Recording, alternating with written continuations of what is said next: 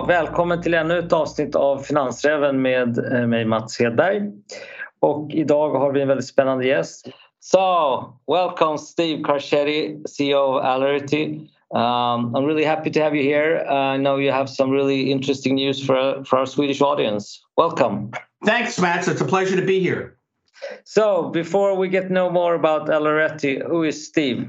Well, thanks. Thanks again. Thanks for the opportunity to speak to uh, uh, some of your your listeners. You know, I'm a CEO of Alarity Therapeutics. I have been uh, fortunate to be in the industry for uh, well over 30 plus years, um, primarily in both big pharma and small biotech, in, in focused in the therapeutic area of oncology. And uh, as a as a commercial person and executive, um, I've had the pleasure of working with companies such as Bristol Myers Squibb, Eli Lilly, uh, J and J, uh, General Electric, um, a number of small biotech companies as well, uh, primarily focused in in oncology. So this has been um, not only a career but a passion of mine to uh, work with companies that have really unique and novel technology that can uh, transform the way cancer is treated. And and I've been fortunate to have um, through through some of the companies I've just mentioned to have launched over a dozen products that have become now standards of care in how cancer is treated, and as well as working with diagnostic companies in an effort to move towards uh, personalized cancer care, which is obviously the revolution that we're embarking upon right now. But um, I'm a commercial person with uh, uh, education of an MBA here based in the US, married with two wonderful kids, and um, been uh, enjoying the opportunity to uh, making Alarity a great success. So that's a little bit about me and, and what I did. Well, that seems like a solid experience. So, how would you des- describe Alarity for a, for a layman? Yeah, so uh, Alarity is a very unique company, and it is the first and only company um, that I'm aware of that has the combination of uh, therapeutics, oncology therapeutics products, if you will, and um, a, a, diagnostic platform, um, what we call a, a best in class drug uh, re- response predictor companion diagnostic. You know, in the current world today, the key to success is moving towards personalized cancer care, where the treatment is somewhat customized for the patient. And traditionally, the way that um, companies have tried to deal with that as they develop their drugs is to identify unique biomarkers, one unique characteristic associated with what's uh, expressed on the cancer cell, and then in turn develop a drug that hits that biomarker. What we do at Alarity is um, something completely different. Um, we let the the cancer provide us information, tell us what is important, and we we run through our computer modeling and simulation platform a way to identify not only one characteristic but a multitude of different characteristics that the cancer is expressing so that we have a better understanding of the cancer and therefore can provide more impactful treatment. So the company has developed this DRP or drug response predictor companion diagnostic in addition to very novel therapeutics. And when you combine the two together, what you're able to do is significantly increase the response rates of cancer drugs by making sure the right patient at the right time gets the right drug for the right type of cancer. Now, this is unique in that Alarity uses um, computer model simulating and various other um, computer platforms to help figure this out, which is very complex. And without boring your your your listeners with all the details about gene expression and the nature of the info that we use, we're able to really, um, um, with this predictor, accurately identify patients that are going to respond. And moreover, we have demonstrated this in the clinic. So there are a lot of companies, as you will know, that have speculated about how their biomarker plays a role in the disease and ultimately then provide the treatment and it doesn't pan out our approach has been not only demonstrated but proven in over 35 uh, independent clinical trials showing that our platform, our diagnostic platform, accurately predicts those patients that will benefit in response from therapy. And moreover, we've got innovative drugs that we can combine together so that the combination of a unique therapeutic company with a best in class and, and first in and best in market, best in class predictor diagnostic is first of its kind. And we're very excited about bringing that to market. It is and will be, in our opinion, transformational in the way cancer is treated going forward. Hopefully, that's a bit more than just a layman's term, but it can give you a good grounding of what Alarity is all about.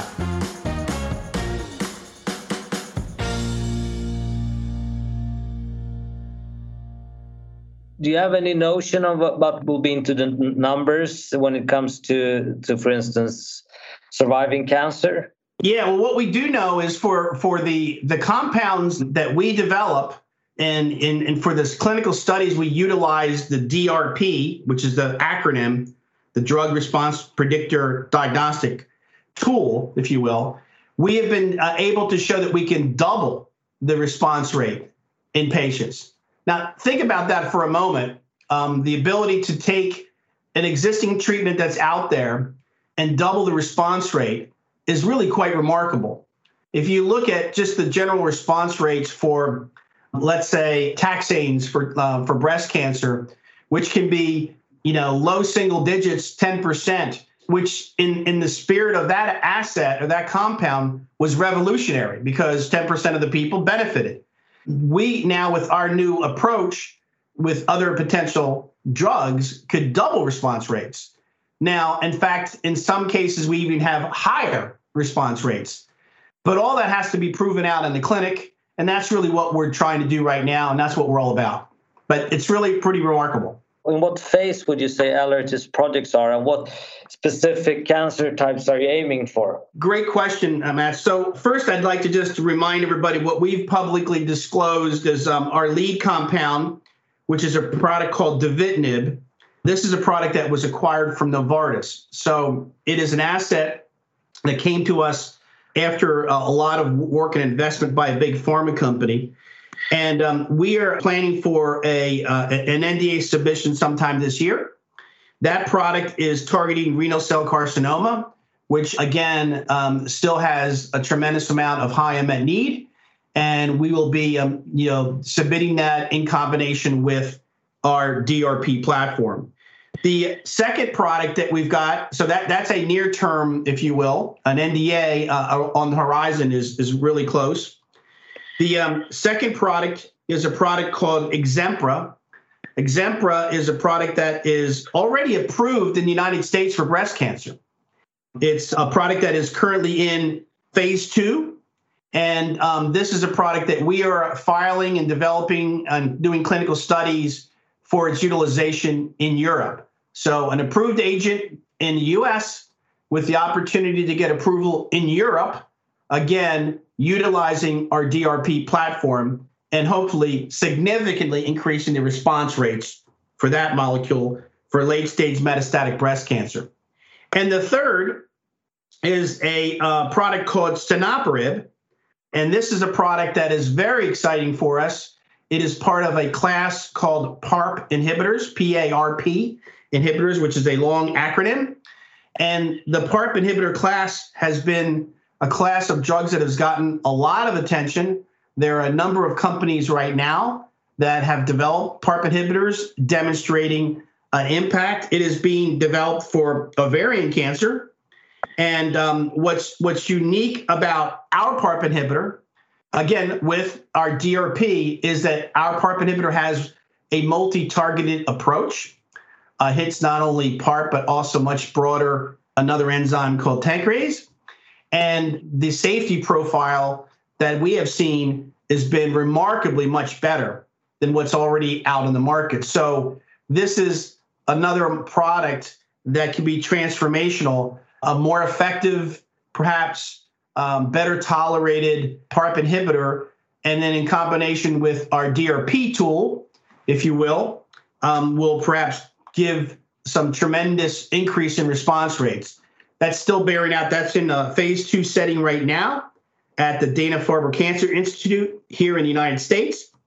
And it is something that we're all very excited about. So, those are three main programs that we have uh, in place today. So, you buy these projects from Big Pharma. Why do they want to sell them if they're so good?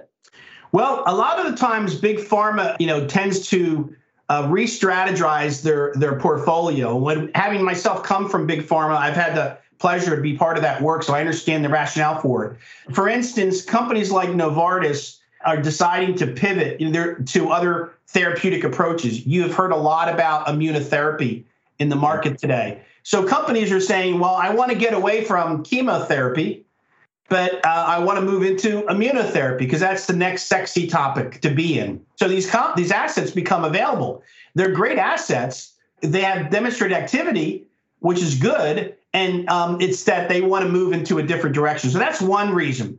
The second reason why they tend to, I'll call divest some of these assets, are because in their business model, a product that can only make 500 million or 700 million dollars is considered small and obviously, we think that's a ridiculous view, but they do. Um, and they only tend to look at therapies that can generate well over a billion dollars in sales. So there's a business model need for them. It just doesn't meet the hurdle for them. So you've got a strategic realignment concern or change it hard, if you will, and then you've got a economic uh, component of it. And then when that happens, these assets become available. Now, when all the assets I mentioned to you all have come from big pharma, Novartis gave us dovitinib, uh, Stenoparib came from Eisai, and Ixempra came from uh, originally from BMS, and and and then um, another company after that. But they all have come and gone through a, a big pharma. They are effective agents, even though the approach is, is seen different. And quite honestly, we can take a product that may have, in their eyes, a very modest response rate, and we can make it extremely exciting with our DRP technology. So that's another thing that they don't have that we we do. So we've been fortunate, and uh, we've had a tremendous team to get these assets, and um, and we're we're going to bring them to market uh, as quickly as we possibly can.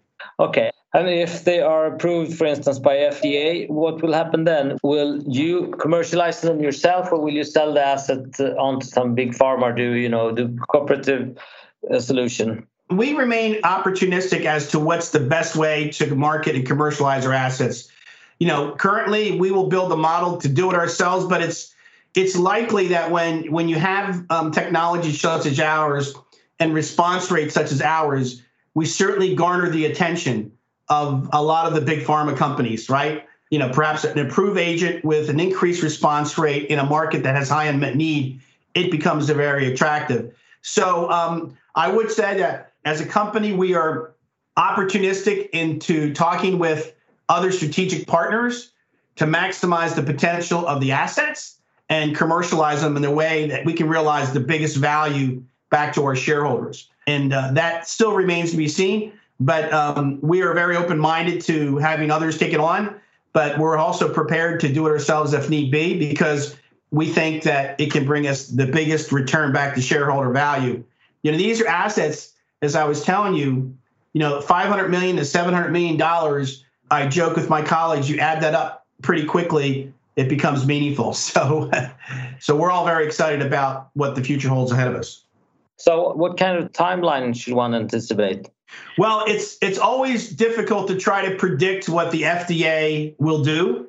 Um, so I, I, have to stay somewhat reserved because it is a, a, a, very unique animal unto itself. But you know, we are we are um, optimistic with our planned filing this year with the dovitinib. And uh, what I can say is, it's our expectation that over the next couple of years, we should see some meaningful movement in the review and approval process uh, with respect to what we're doing. I mean, we cannot predict and give a date because you know COVID has put a little bit of a damper in in timing with a lot of things in life, as you well know.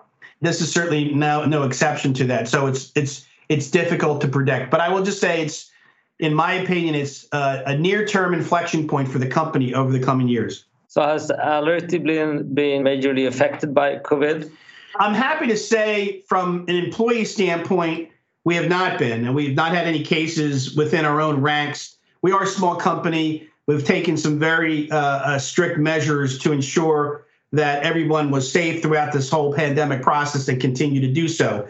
However, with respect to, let's say, the clinical um, uh, development process outside our, of our offices, in many hospitals around the world have been obviously affected, and as a result of that, have slowed down a lot of their um, accruals and trials, and in some cases have closed clinical trials because of COVID. And we were no exception to that. That was a industry phenomenon that has um, slowed down um, recruitment processes for clinical studies. That's beginning and has changed quite a bit in the recent months. But if you had asked me, you know, six months ago, you know, we did have, you know, hospital centers putting a pause on because they were not bringing cancer patients in for their treatments. So uh, because of COVID, so it ha- it has affected us in that regard. But um, what we've done is we've put systems in place to increase sites for accrual and various trials such that uh, we could make up any potential lost ground in the clinical studies. So that that's been the impact. It's been more of a market impact. I would also uh, say that another area that was impacted by COVID was uh, uh the manufacturing area um, just the industry as a whole, all the companies um, that use third party manufacturers, including ourselves, were certainly affected by COVID. Uh, many of them um, slowed or shut down operations. Some of them actually pivoted 100% of their manufacturing capabilities to address the vaccine. And you know, anybody who was in line for work, like ourselves, were impacted in that regard. And we have seen some of that as well. But again, I think it's beginning to the pipeline, if you will, is beginning to open up again, and we're beginning to get back back on on firm footing. And hopefully, knock on wood, you know, COVID is um, getting behind us.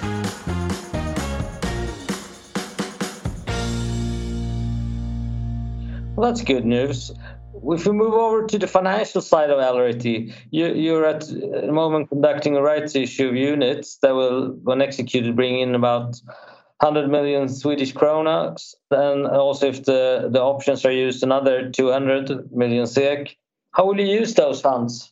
Yeah, so I mean, as I mentioned in in, the, in my review of the pipeline, we've got a lot of very exciting, meaningful activities underway, including an NDA filing and clinical studies for the other two programs, Stenoparib and Ixempra. And so um, the reality is that we will use those funds to help fund the clinical development and ultimate registration of our existing portfolio. And that's certainly uh, what we'll be using it uh, uh, as well. Matt, there was one other thing I wanted to mention to you that I didn't on COVID, but I think it's kind of important for your listeners. You know, along the way, independent of our work with cancer treatment, we, um, in an effort to help participate and potentially help solve the problem of COVID, we um, evaluated our portfolio pretty um, um heavily to understand whether or not any of our assets would have any effect on the disease. And ironically enough, in some of our early first stage experiments, our Stenoparib program actually demonstrated activity against COVID in uh, some of our preclinical models. And that was really exciting because not only is it an effective cancer treatment, but um, the early clinical studies was it's an effective COVID treatment as a therapeutic. We then took the next step, and we're in the process of that right now of uh, doing some additional preclinical testing against uh, for COVID against the British variant and the uh, South African variant to understand whether our product Stenoparib could treat COVID in that um, disease population. And we have not got the results of that just yet, but we are cautiously optimistic. So that's a, um, a great example of, I think, our company being somewhat opportunistic with our technology and our compounds in an effort to solve some difficult problems. So that is yet another potential, we'll call it upside as you think about the company. So I just wanted to make sure cl- clarify that. And then coming back to your question about how the money is used, it's obviously the primary portfolio assets that I just mentioned to you And uh, obviously, we will do some additional work on COVID to add to um, what the um, the rights issue will be used for. When you get back to COVID, I want to go back to COVID as well. And uh, what you mentioned that it actually your uh, products or substances could be used for COVID. Do you think that's a, a real possibility, or is it just uh, a nice uh, tale? No, I think it's a real possibility. I mean, there are a lot of companies that have tried to evaluate treatments for COVID, and um, very few have been successful. And in our preclinical studies, you know, in combination with remdesivir, um, we demonstrated some pretty pretty exciting data um, preclinically um, for COVID. So um, I personally think that there is a tremendous opportunity to be um, one of the few companies. I think we're one of the few companies right now even testing a therapeutic against the variant. Vaccines aside, right, as a therapeutic. And right now there are only there's only one product really approved from the FDA for COVID treatment. And but so we are we are one of the few companies worldwide doing research with our portfolio as a COVID treatment, looking at the British variant B117 and the South African variant. And um, I think if um, that data comes out positive, I think it'll be a transformational point for the, uh, quite frankly, the market, the world with COVID, and for us as a company. So could it be kind of a hidden asset? Yeah, I think. I mean, yeah, it's certainly not hidden, of course, but it's a potential big opportunity that we we kind of have in the background. We're obviously want to play a role in, in, in doing our part to solve the COVID problem, and I just share that with your listeners because um, it is rare that you find a company that has three what I call late stage oncology assets a potential treatment for COVID, and um, all that happening at the same time with an organization of our size with a, a transformational diagnostic platform that's unprecedented, that has not been seen, moreover, has not been shown in clinical studies anywhere else but with Alarity. So that's why we are very excited about the company and its status and where we are today. Well, I'm sure you're excited about another thing as well. Uh, today, you disclosed that Alarity has entered into an agreement with 3i, an investment company, meaning that they will invest about 20 million US dollars in a newly formed company, Alarity Therapeutics Inc., a US subsidiary. And this will um, mean that eventually Alarity will be a company listed on the US NASDAQ stock market. So that was a long sentence. Can you elaborate on this, and why this is being done? I, unfortunately, I can't get into the details of the transaction aside from what has already been published in our press release. But what I can tell you is that I think it's a great demonstration of um, the value that the company has in its technology recognized by a um, quite frankly credible and exciting investor in the tune of, of 20 million US, as you mentioned. There's no doubt that um, you know the company has a lot of uh, upside potential, and as an organization, we have been looking at ways to unlock that potential over the years. And we felt that moving to a U.S. exchange would allow more investors to participate in the company. And we believe that this approach is in the ultimate best interest of all our shareholders. And and we are grateful for our shareholders that have stuck with us. Um, this is the opportunity for a really big big change. I like to th- think that we as a company are um, transformational in in what we're trying to do. And so this investment is transformational and this has been announced today, which is a special day for us because it's the 21st day of the 21st year of the 21st century. And we think that that's an exciting time to announce something as exciting as this. That's a numbers game. Well, the market is excited as well. I think the share price is up like 57%. Do you also you think that the American market, the US market is are better at evaluating companies like Alarity uh, compared to, for instance, the Nordic market? Yeah, well, I can never comment about what the market does because that's something that's impossible for me to predict. But uh, I do think that the awareness level of what we're doing has increased dramatically. And as a result of that, you get other people that are interested in our work and want us to see uh, to see what we're doing. I often said that um, Alarity as a company was, while it's been an exciting company to us and, and certainly within the Nordic region, been an exciting company, it has been a little bit of a um, best well kept secret. And um, what we hope to do is to, to make it uh, a much larger company and one that um, all of our shareholders benefit from and raise the awareness of the of the technology. If we are um, successful as we expect to be, again, we will be a transformational company, a company that will change the way cancer is treated. We will be um, the first company to offer computer simulating and diagnostic platforms utilizing sophisticated modeling data to map um, you know basically the disease in ways that have not been seen before. And um, we will be the first company to to be able to truly um, penetrate uh, if you will or truly demonstrate i should say personalized cancer care which is why our company's tagline is personalized cancer care finally realized. And that's exactly what we're, we're aiming to do well, this was truly exciting to listen to you, Steve. Is there anything you'd like to to add before we end this uh, recording? No, I just like to, to thank you and, and your organization for the opportunity to, to share our vision for the company, um, what is ahead, um, which is a, an exciting road, and also thank all of our investors for uh, supporting us along the way. And as I said, this is an exciting day for the company and uh, we're looking forward to a very exciting future in the coming days ahead. Thanks a lot, Steve Carchedi, the CEO of Alarity. Thanks a lot for uh, joining us. My pleasure, Matt. Thanks for the opportunity.